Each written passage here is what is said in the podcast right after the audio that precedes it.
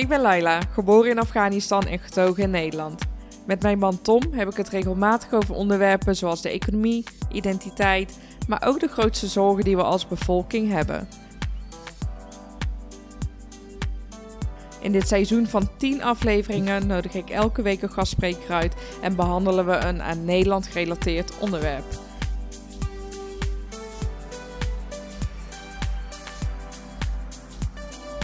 Welkom bij Nederkast, ga mee op reis en laten we Nederland samen ontdekken.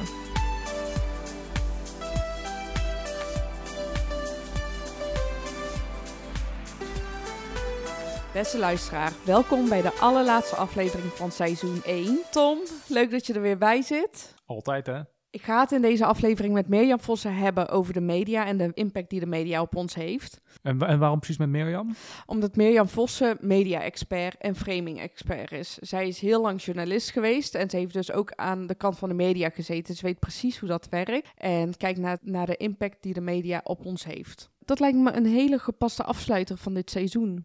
Ja, mij ook. Ja, en er komt natuurlijk een seizoen 2. Ben jij weer van de partij? Ik ben weer van de partij. Wat fijn. Ik wil je echt bedanken dat je hier aan mee hebt gedaan. Want, eh, lieve luisteraars, allereerst wilde Tom eigenlijk helemaal niet meedoen. Waarom niet? Ja, omdat het verschrikkelijk is om je eigen stem te horen. Ja, ben je er al aan gewend geraakt? Nee. Maar nee. toch doe je mee. Ja, ik doe alles voor de liefde, hè? Oh. Oké, nou ja, beste luisteraar, dit is dus de allerlaatste aflevering van seizoen 1. Er komt een seizoen 2 en die komt in september online. Eh, er staan al wat gastsprekers op de planning. Met sommige van die gastsprekers heb ik echt vier à vijf gesprekken voorafgaand moeten voeren met eh, de woordvoerders. Dus ik denk dat het een heel interessant seizoen wordt. Je wilt niet vertellen wie, denk ik, of wel? Nee, nog even niet. Nou, nog even de spanning opbouwen. Hoe heb je het zelf ervaren, deze podcast? Ja, het was ontzettend veel werk. Eh, het heeft me heel veel energie en tijd gekost. Maar ik, ik ben zo blij dat ik dit heb gedaan. Het is een soort van droom die uitkomt. Ik wil niet op een dag wakker worden en dat ik dan 50 ben en dat ik denk, jammer dat ik dat niet heb gedaan. Dat wilde ik nog doen en dat heb ik niet gedaan. Ja, jij kent me natuurlijk eh, beter dan wie dan ook. Zo zit ik gewoon niet in elkaar. Nee. Nou, mooi. Ja. Ik wil deze aflevering of deze intro eigenlijk ook heel even gebruiken om een aantal mensen te bedanken. Jou natuurlijk, Tom, dat je mee hebt gedaan. Ik wil Tawab Safi bedanken, want hij heeft de nederkastafbeelding gemaakt. En dat heeft hij echt één nacht voordat hij online kwam, heeft hij dat gedaan. Ik heb dat echt mega last minute aan hem gevraagd en hij heeft alles opzij geschoven om dat te doen. En ook wil ik Wouter van Hassen bedanken, want hij heeft mijn intro gemaakt, waar ik heel trots op ben en heel blij mee ben allerlaatste, beste luisteraar, ik wil je bedanken voor het luisteren en ik hoop dat je me op alle kanalen gaat volgen en zo dus ook meegaat in seizoen 2 van Nedercast. Veel luisterplezier!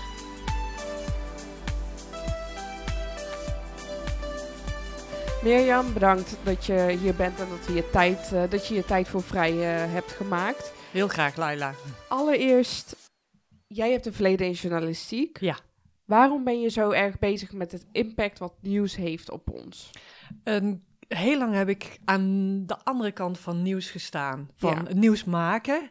En de laatste jaren ben ik steeds meer bezig gegaan, betrokken geraakt bij de vraag van... Oh, maar wat doet het eigenlijk met ons als nieuwsontvanger? Ja. Alles wat we meekrijgen via het nieuws, eh, wat doet dat met het beeld dat we hebben van Ja. onze wereld? En ook met ja, hoe we eventueel in actie willen komen voor een betere wereld. Dat is eigenlijk mijn drijfveer om aan de andere kant van de lijn te gaan staan steeds meer. Wel handig, want je weet dus wel heel erg weet wel hoe nieuws werkt, ja. ja, je weet helemaal hoe het werkt. Ik was freelancer, dus ik heb nooit echt vast op redacties gewerkt, maar Ja. wel vaak genoeg op redacties rondgelopen. En als freelancer ook heel veel geschreven en ook wel dat proces heel, van heel dichtbij meegemaakt. Van hoe wordt, ja, hoe wordt iets nieuws en hoe werkt dat? Ja. En, Super Ja. interessant. Deze podcast gaat over Nederland. ja. En ik wil voornamelijk ook eh, dus het volledige verhaal door experts laten vertellen. Dus niet alleen de negatieve uitschieters.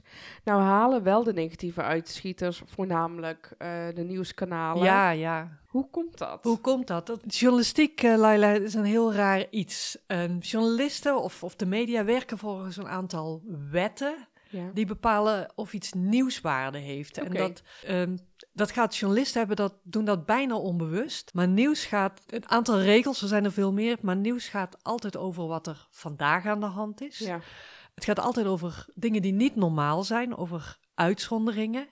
en nieuws moeten aandacht trekken. Het zijn een paar wetmatigheden die Ja. bepalen of iets uit de veelheid van dingen die gebeuren in de wereld eh, Kan het nieuws je halen. die drie punten wat je net opnoemde, kan je- zou je die kunnen toelichten? Ja, dat is misschien leuk. Ik heb gisteren naar eh, het RTL-journaal gekeken en dan, dan zie je dat gewoon al heel mooi eh, terugkomen. Nou, bijvoorbeeld nieuws gaat over wat er vandaag aan de hand is. Nou, het moment dat we spreken, de podcast-uitzending is misschien wat Over later, maar nu is, het, ja. ja, nu is het een jaar geleden dat de oorlog in Oekraïne begon. Ja. Dat is zo'n nieuwsmoment, één jaar. Dus krijgt die oorlog enorm veel aandacht. Niet omdat er meer dingen of andere dingen gebeuren in die oorlog, hoe verschrikkelijk ook, maar omdat het een jaar geleden is. Want dat is gewoon wat er nu aan de hand is. Eigenlijk een hele rare, eh, raar iets. Tweede die ik noemde, het nieuws gaat over wat niet normaal is. Het gaat over uitzonderingen. Nou, ook in het nieuws is besp- bestorming van het parlement in Suriname. Ja. Nou, dat is echt niet normaal dat eh, mensen een parlement bestormen. Eh, schietpartij in de VS, zes doden. Ook in het nieuws. Het is ook absoluut niet normaal dat iemand zomaar zes mensen doodschiet. Dus het wijkt af, dus haalt het het nieuws. Ja. En daarbij de derde wet die ik noemde, het, het trekt de aandacht. En, en dat is vooral het geval wanneer het om ja, toch sensationele dingen gaat. Eh, Ook vaak wanneer het bijvoorbeeld om celebrities gaat. Ja. Ook in het nieuws, niet RTL, maar toch in het nieuws deze week. Rihanna verwacht haar tweede kindje. Ja. Ehm, dat haalt dan gewoon nu.nl en, en eh, nou, misschien ook nog wel andere kranten. Dus dat soort wetmatigheden, die maken dat iets door de poort van de journalisten komt Ja. en eh, de media halen. En dat bij elkaar opgeteld, dan zien we vooral dat het om negatieve, negatieve dingen gaat, negatieve za- zaken gaat. Ja, of dingen die je dus niet toedoen. Of dingen, ja, ook een hele Ja. goede. Of dingen die eigenlijk helemaal niet eh, belangrijk zijn. Eh, in de eerste aflevering die ik heb eh, opgenomen met Ralph Baudelaire, vertelde hij ook dat langlopende trends, dat dat vaak de, Ja. de goede dingen zijn en dat dat ook het nieuws niet had. Is dat zo? Ja, dat, dat, dat zie je heel sterk. Vooral omdat nieuws, die wet van het, het is nu vandaag aan Ja. de hand. Ja. Dus daarom wordt het nieuws. Als je kijkt naar langlopende trends, bijvoorbeeld dat wereldwijd de armoede langzaam daalt. Of Ja. dat eh, ook in Nederland we steeds gezonder, of, of onze levensverwachting eh, elk jaar stijgt. eh, we steeds gezonder zijn. Ehm, dat haalt het nieuws niet, omdat het iedere dag een klein beetje gebeurt. Dus het wordt niet op enig moment nieuwswaardig voor journalisten. Want waarom, ja, waarom zou een journalist daar vandaag iets mee doen? Ja. Dat moment komt gewoon nooit. Dus horen we daar heel weinig over. Bizar, want als dat soort dingen constant gedeeld zouden worden, zouden de mensen denk ik wel veel positiever in het leven staan. Ja, dat, dat denk ik wel. Want wat je, wat je ziet als gevolg van ja, toch die negativiteit in het nieuws, om daar misschien nog heel eventjes over, Ja. iets over te zeggen. Ik heb gisteren toen ik het journaal keek, heb ik Ja. geturfd. Eh, het waren twaalf Oh. onderwerpen. Ja, ik denk, wat komt er op het nieuws? Twaalf onderwerpen, twaalf items. En negen daarvan eh, drama en ellende. eh, parlementsbestorming, moordpartijen. Oh, zelfs carnaval. Dat was dan nog op zich een positief iets. Maar het nieuws is dan dat een biertje tegenwoordig 3,50 euro kost. dus nadruk ligt op, eh, op het negatieve. Dus als dat meer een balans zou zijn, dan zou je kunnen denken dat mensen ook wat positiever gestemd zouden raken. Ja. Maar dat is ook heel lastig, want hoe moet je dat voorstellen als iedere dag op het nieuws is dat, dat er dingen in de wereld steeds een beetje beter gaan? Nou, na, na drie dagen denk ik, Laila, dat jij denkt, ja, dat heb ik gisteren ook al gelezen en eergisteren ook al. Het is heel moeilijk om daar Oh ja. aandacht voor te, constant aandacht voor te vragen. Ja, dat kan ik me voorstellen. Maar eigenlijk zie je dat op individueel eh, niveau al. Hè? Als je iemand vraagt van... eh, mensen zijn sowieso al geneigd om eh, ook over hunzelf de negatieve uitschieters sneller te Ja. delen. Hè? Van ik ben op vakantie geweest, maar ik ben gevallen en toen moest ik naar het ziekenhuis. Precies. Dat soort dingen. Precies, nou dat is eigenlijk op persoonlijk niveau eh, is wat er ook in, de, in het nieuws op groter niveau gebeurt. Ja. Eh, wanneer jij inderdaad, eh, ah, wanneer we elkaar dingen vertellen, gaat het vooral over, toch over, De vaak over de uitzonderingen Ja. en dan vaak ook de drama's die we hebben meegemaakt. Dat delen we en vertellen we als eerste. Hoe wordt eigenlijk nieuws gemaakt? Kan je me daar iets meer over vertellen? Ja, nieuws, die journalist moet je je voorstellen. Ik vind een mooi, een mooi beeld, vind ik. Wat hij doet is uit alle gebeurtenissen die er in de wereld gaande zijn, het, het stel je voor als een grote legpuzzel. Oké. Ieder puzzelstukje staat voor iets wat gebeurt of aan de hand is of wat dan ook. En die journalist die pikt er een paar uit en dan zet hij het vergrootglas op. Ja.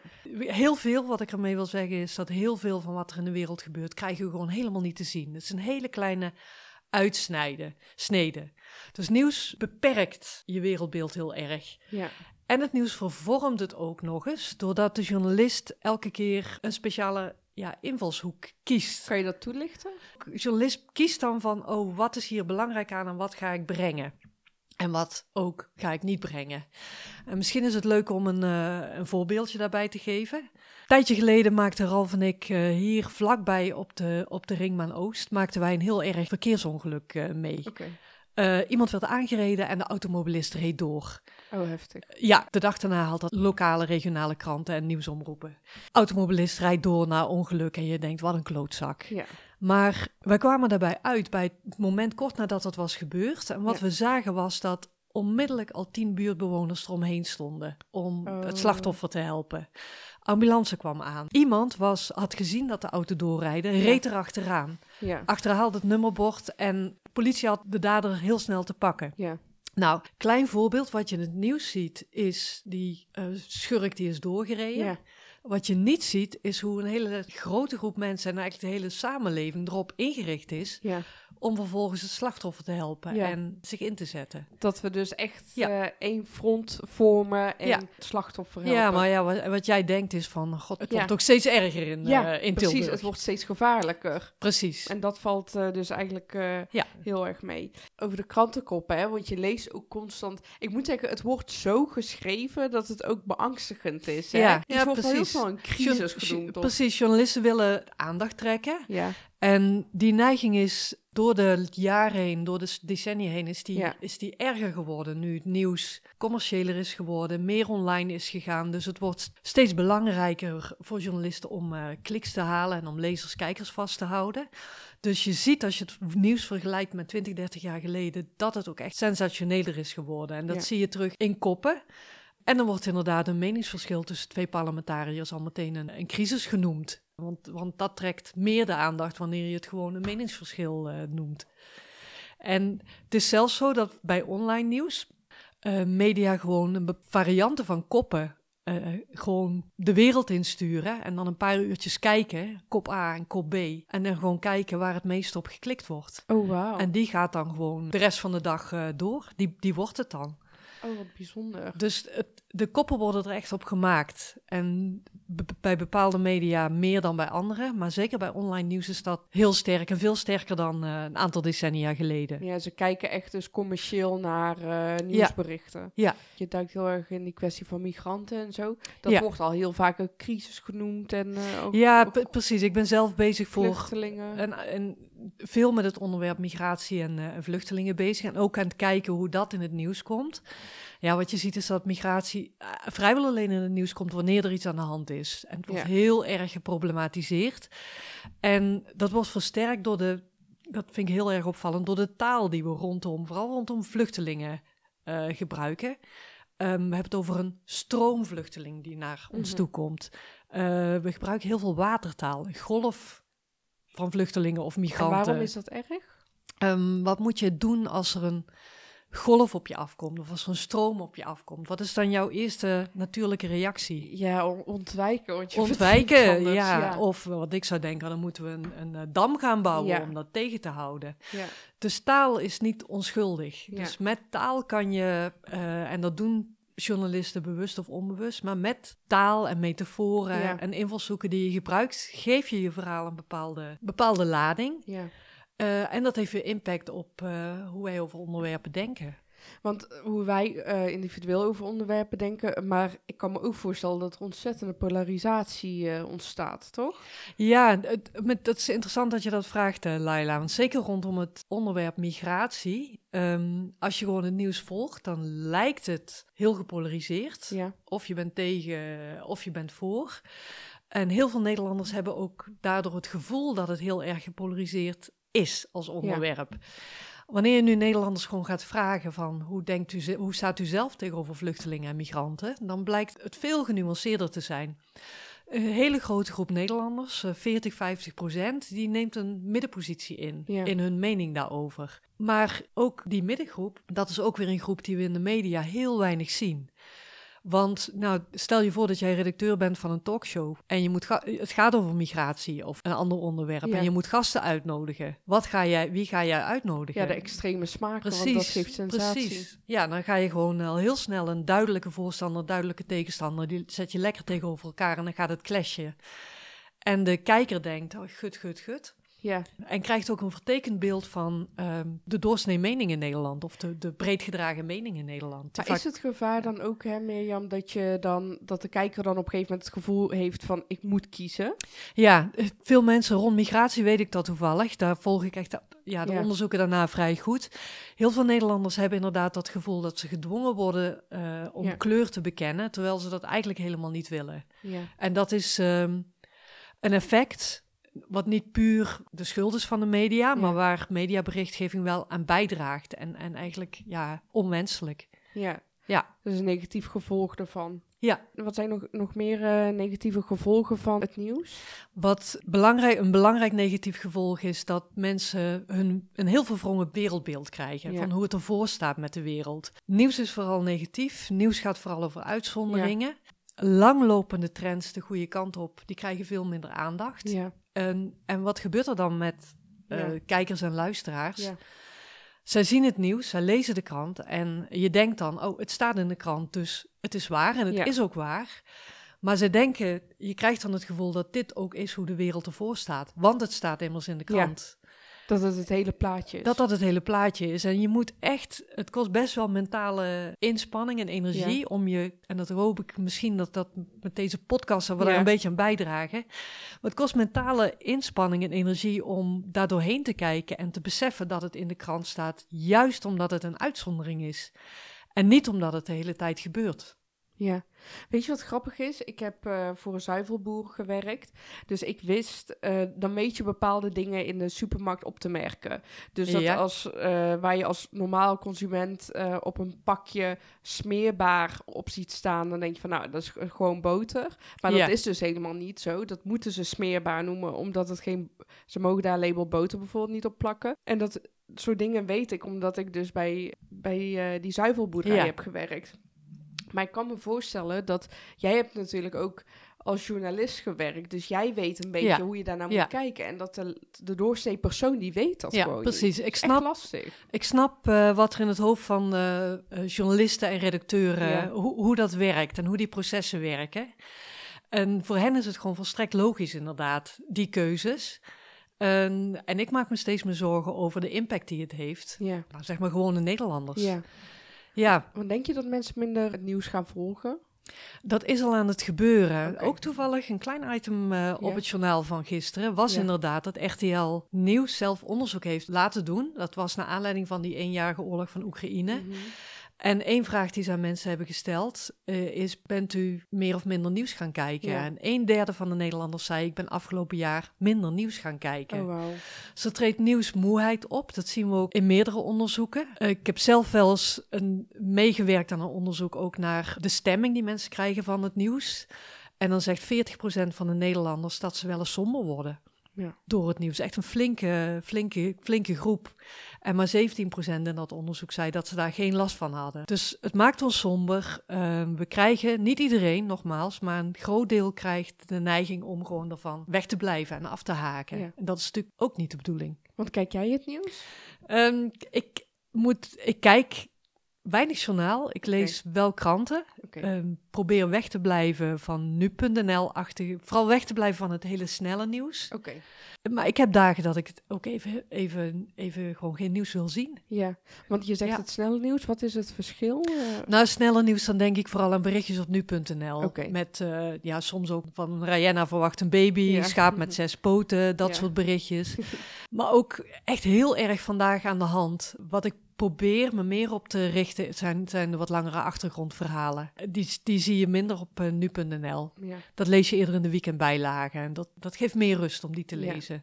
Want wat Ja. natuurlijk ook wel bijzonder is, dat die kranten natuurlijk altijd even dik zijn. Dus er, er wordt gewoon echt op Ja. zoek gegaan naar... Interessant is dat, heb ik inderdaad ook wel eens mijn vraagtekens bijgesteld. Want heel veel trends gaan in de wereld gaan beter. Ja. Of eh, ook in Nederland. Nou, criminaliteit is bijvoorbeeld eentje. En Dat, dan de laatste jaren is het aantal criminele incidenten is flink gedaald. Fietsendiefstallen, inbraken, ook geweldsmisdrijven. Afgelopen jaar zaten we weer op het niveau van de jaren 80. Ja. Dus echt, eh, het gaat echt de goede kant op. Maar dat betekent niet dat nieuwsmedia minder ruimte inruimen voor Ja, nieuws daarover.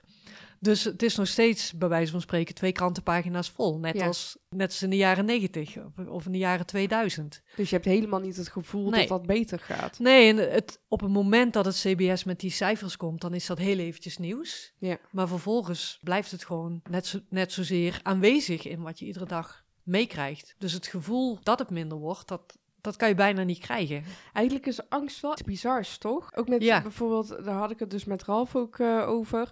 Dus dat aantal vliegtuigcrashes, dat is zo bizar laag. Maar als je om je heen kijkt en op een feestje vraagt van hoeveel mensen Ja. er vliegangst Ja. hebben, Ja, dat is helemaal niet in Ja. balans. mensen kunnen heel moeilijk met risico's omgaan. Eh, en zeker risico's zoals deze, zo'n vliegtuigcrash. En daar zijn dan beelden van. En dat is zo enorm. Terroristische aanslag, hetzelfde. Ja. Dat eh, ons brein is gewoon helemaal geprogrammeerd om daar heel veel aandacht voor te hebben. En Ja. het blijft ook gewoon pats op je netvlies eh, Ja. staan. En het staat dan niet meer in verhouding tot de daadwerkelijke kans dat het gebeurt. Dus Ja. als we het hebben over de rol van de media, Ja. doordat overal beeld van is en Ja. we dat zien, wordt dat gewoon. Weet je, waar ik aan moet denken, Laila, is een heel mooi eh, voorbeeld. Eh, na 9-11, Ja. die inslagen in de, in, de, in de Twin Towers, hebben een heel groot deel van de Amerikanen besloten van, oh, ik vlieg niet meer. En die gingen in plaats daarvan voor lange afstanden de auto pakken. Oh, En per saldo, ik ben helaas een precieze cijfer kwijt, per saldo heeft dat echt geleid tot een gigantische stijging, relatief gezien, ten opzichte van de jaren eerder, van verkeersslachtoffers. ja. Allemaal mensen die niet dood waren gegaan wanneer ze het vliegtuig hadden gepakt. Wat bizar, hè? Bizar, Daar sta je echt helemaal niet bij Nee. stil. En ja, een van de werkingen, en, en natuurlijk moet het nieuws daar aandacht aan besteden, maar Ja. het is ook weer een manier waarop nieuws bezig is om ons beeld van de Ja. werkelijkheid, in dit geval van de risico's die we lopen, een hele verwrongen draai te geven. Ik denk dat het bijna misschien ook averechts werkt. Soms heb ik echt het idee, weet je, het is zo negatief. We kunnen er niks meer tegen doen, Ja, weet je ja. We zijn keihard op een muur aan het afrijden met Ja. eh, 180 kilometer per uur. En Ja, en dat is een sentiment wat, eh, wat, wat vreselijk jammer is en gevaarlijk is. Ja. En eh, wat een van de ja, gevolgen is, of waar nieuws op een bepaalde manier aan bijdraagt. ja, Want juist al die negativiteit die mensen steeds meekrijgen, eh, waar ik af en toe ook echt, ik moet ook echt af en toe pauzedagjes nemen. Zelfs ik, terwijl Ja. ik gewoon precies weet eh, hoe nieuws werkt. Niet iedereen heeft er last van, maar nogmaals, een groot deel van Ja. de Nederlanders heeft er last van. En waar ik me zorgen over maak als het gaat om, want je kan ook nog denken, nou, nieuws, verwrongen wereldbeeld, so what? Ja, Maar dit is precies waar ik me zorgen over maak. Dat het mensen moedeloos maakt. Kijk, die negatieve gebeurtenissen, die moeten in het nieuws. Is ook belangrijk, want Ja. anders kunnen we ze ook nooit verbeteren. Maar als er een overdaad van negativiteit is en heel weinig ruimte voor positieve trends, voor oplossingen, dan, kan het zijn, dan kan het ook gebeuren dat het mensen moedeloos maakt, Ja. apathisch maakt. eh, van nou, na mij de zonvloed, er is toch niks meer aan te doen. Ja. Ik neem geen kinderen meer, eh, Ja. enzovoort, enzovoort. En dat staat haaks op heel veel trends in de wereld en in Nederland die gewoon de goede kant op gaan. Ja. En eh, waar we als mensheid of als samenleving enorm veel goede dingen voor, voor elkaar hebben gekregen. En we kunnen dat alleen maar nog beter maken wanneer we ook gewoon geloven dat onze inzet zin eh, kan hebben. heeft eh, negatief nieuws eh, verspreiden, heeft dat ook een positief effect? Ja, heel dichtbij is natuurlijk de aardbeving in Turkije, die nu volop in het nieuws is. Je moet er niet aan denken dat, dat, dat we dat niet zouden weten Ja. dat dat is gebeurd. Nou, heel concreet, we hebben pas de Giro 555-actie gehad. Ja, eh, waar miljoenen euro's zijn opgehaald voor die slachtoffers. Zo'n actie kan alleen maar gebeuren eh, wanneer er gewoon heel veel aandacht is in de media. Ik heb in het verleden vaker met campagnemakers van Giro 555 over Mhm. rondom andere rampen, zeg maar, Ja. eh, gesproken. ja, En zij zeggen ook dat op een gegeven moment besluiten die samenwerkende hulporganisaties van gaan we actie doen of gaan we dat niet doen. En soms zeggen ze dan zijn er dingen aan de hand ja, waar we geen actie op kunnen nemen, omdat ze niet in de media komen. Dus pas wanneer er echt flink media-aandacht is voor gebeurtenissen, dan kunnen ook hu- humanitaire acties gedaan worden. En, en is daar draagvlak voor. En dan ja, blijken wij als samenleving enorm vrijgevig en behulpzaam te zijn. En dat is fantastisch natuurlijk. En dat zou niet kunnen zonder nieuws. Oh ja, dus echt eh, het bereik van Ja. de mensen. Ja, Je merkt wel dat mensen echt massaal opstaan, van organisaties tot de politiek, tot een individu, om eh, de slachtoffers eigenlijk hulp te bieden, op wat Ja, voor manier precies. dan ook. Ja, en wat ik hiermee, want ik ben best kritisch op de negativiteit in het nieuws. En tegelijkertijd, eh, we kunnen ook niet zonder aandacht voor wat er mis is in de wereld. Laat ik dat ook gewoon duidelijk gezegd hebben. Ja. Stel je voor dat dat er niet zo was, dan zouden we ook niks doen tegen klimaatverandering, niks Ja. doen tegen armoede, niks doen tegen ongelijkheid in Nederland. Dus die zaken moeten aandacht krijgen in de media, dat Ja. is een goed ding. Maar nog beter zou het zijn wanneer ze meer in perspectief werden geplaatst. En wanneer Ja. we ook meer gevoel meekrijgen van de lange termijn trends. Dus eigenlijk nog meer puzzelstukjes te zien krijgen. Meer puzzelstukjes, precies, ja. Bij een, een nieuwsonderwerp over iets wat nu aan de hand is of nu Ja. gebeurt. Ja, laat ook zien hoe het de afgelopen, zich de afgelopen 10, 20, 30 jaar heeft ontwikkeld. De positieve trends. Positieve trends. Met eh, de oorlog eh, Oekraïne-Rusland weet ik nog dat in het nieuws ook kwam dat de kindertelefoon nog, dat die echt roodgloeiend stond. En dat gewoon ook kinderen massaal in paniek waren van wat gaat Ja. er gebeuren, een derde wereldoorlog, noem het maar op. Da- daar moeten we natuurlijk wel voor waken, dat Ja. de jeugd niet... eh, Precies, ik vind ook een interessante dat je dat zegt. Rond die oorlog in Oekraïne is het denk ik heel moeilijk, ja, heel moeilijk om die angst op dat moment dat het uitbreekt te beteugelen. Ja, Maar dit doet me denken aan eh, een ander onderwerp en dat is klimaatverandering. En dat is ook veel in het nieuws. Eh, de nieuwsmedia kiezen er vooral voor om de alarmerende voorspellingen heel Ja. veel aandacht te geven. Hoe het uit zou kunnen pakken als de opwarming heel erg wordt. En dat, worden dan, eh, dat krijgt dan aandacht in de media. Ja. En wat je ziet, ook in onderzoeken, is dat ontzettend veel kinderen echt heel, heel, heel erg bang zijn ja. voor klimaatverandering. Zelfs gewoon denken dat ze zich afvragen of ze überhaupt wel volwassen worden. ja. Dat, dat weten we uit peilingen in, eh, in Engeland, in Nederland, dat die zorgen echt heel groot zijn. Ja. Maar zelfs moet je je voorstellen, dan denk ik, wat zijn we aan het doen? Onze eigen kinderen gaan Ja. we gewoon zo'n doembeeld van de toekomst meegeven. Dat, dat zij daar gewoon slapeloze nachten van hebben, Ja. onze kinderen. ja. Nou, dat ja, kan me echt boos om maken. Ja, en Ja. weet je, en misschien nog zelfs van dat ze denken dat ze echt gedemotiveerd raken. Hè? Ja, precies. Want op zich natuurlijk moeten ook kinderen weten dat dit aan de hand is. ja, Maar eh, hou het perspectief vol. Want Ja. het, is een, het is een groot probleem, maar ook eentje wat we alleen maar kunnen oplossen als we gewoon ja, het met z'n allen onze schouders erom Ja. eh, onder zetten. En dan heb je meer nodig dan alleen maar doemverhalen in de media. Dan heb je ook hoopvolle verhalen nodig. En, en verhalen over die laten zien wat er al gebeurt en wat er kan en wat er mogelijk is als we ons inzetten. ja, nee, precies. De negatieve uitschieters, laten we kijken naar wat er goed gaat. Ja, Want zijn er dingen eh, die jou dus opvallen met jouw ervaring, waarvan Ja. je zegt, hé, hey, dat komt negatief in het nieuws. Maar Laila, ik kan jou meegeven, dat gaat een stuk beter eh, ja ik, dan dat we denken. Ik noemde al criminaliteit, die eh, Ja. flink is gedaald. Maar wat ik zelf, een onderwerp waar ik dan mee bezig ben, meer mee bezig ben, is migratie. Ja. Het komt vooral in het nieuws op een negatief problematiserende manier. Wat je ziet uit cijfers, trendcijfers, is dat de kinderen van migranten en kleinkinderen, tweede, derde generatie, dat het daar eigenlijk heel erg goed mee gaat in Nederland. Wat bedoel je dan? Dan als we bijvoorbeeld kijken naar eh, opleiding. Het opleidingsniveau van alle Nederlanders stijgt. Ehm, ook die van kinderen van migranten. En als je ziet dat eh, mensen met een niet-westerse achtergrond... Het opleidingsniveau zitten op dit moment evenveel hoogopgeleiden onder dan onder de Nederlanders 12 jaar geleden. Oké. Dus als je ze vergelijkt met Nederlanders is het altijd nog lager. Ja. Maar als je de trendlijn bekijkt, dan zitten zij nu ongeveer waar Nederlandse jongeren en jeugd 12 jaar geleden zat. Dus ze zijn gestegen. Zijn gestegen. Eh, Iedereen dus is ze ges- zijn meer gestegen dan het ja. gemiddeld. Oké, interessant. Terwijl je hoort niks anders dan dat ze zich niet goed kunnen Nee, integreren en Turks-Nederlandse meisjes doen het beter op school dan Nederlandse jongens. Echt? Ja, ehm, en onder eh, speciale groepen, Iraniërs bijvoorbeeld. Ja. Maar het is het opleidingsniveau hoger dan, dan van Nederlanders. Oké, bizar. Ja. Maar trends gaan gewoon ook, eh, ook daar gewoon de goede kant op. En Ja. dat vind ik heel bemoedigend. Ja, vooral over migranten, want daar Ja. hoor je echt niks positiefs over. Nee, het overgrote deel van de migranten. En als we dan toch over het algemene verhaal hebben. eh, ja, je bent er zelf een voorbeeld Ja. van. Groeit hier op, het doet mee met de samenleving, gaat hier naar school, Ja. eh, woont in buurten, is collega, is, is, is, is buurman, buurvrouw, vriend, vriendin.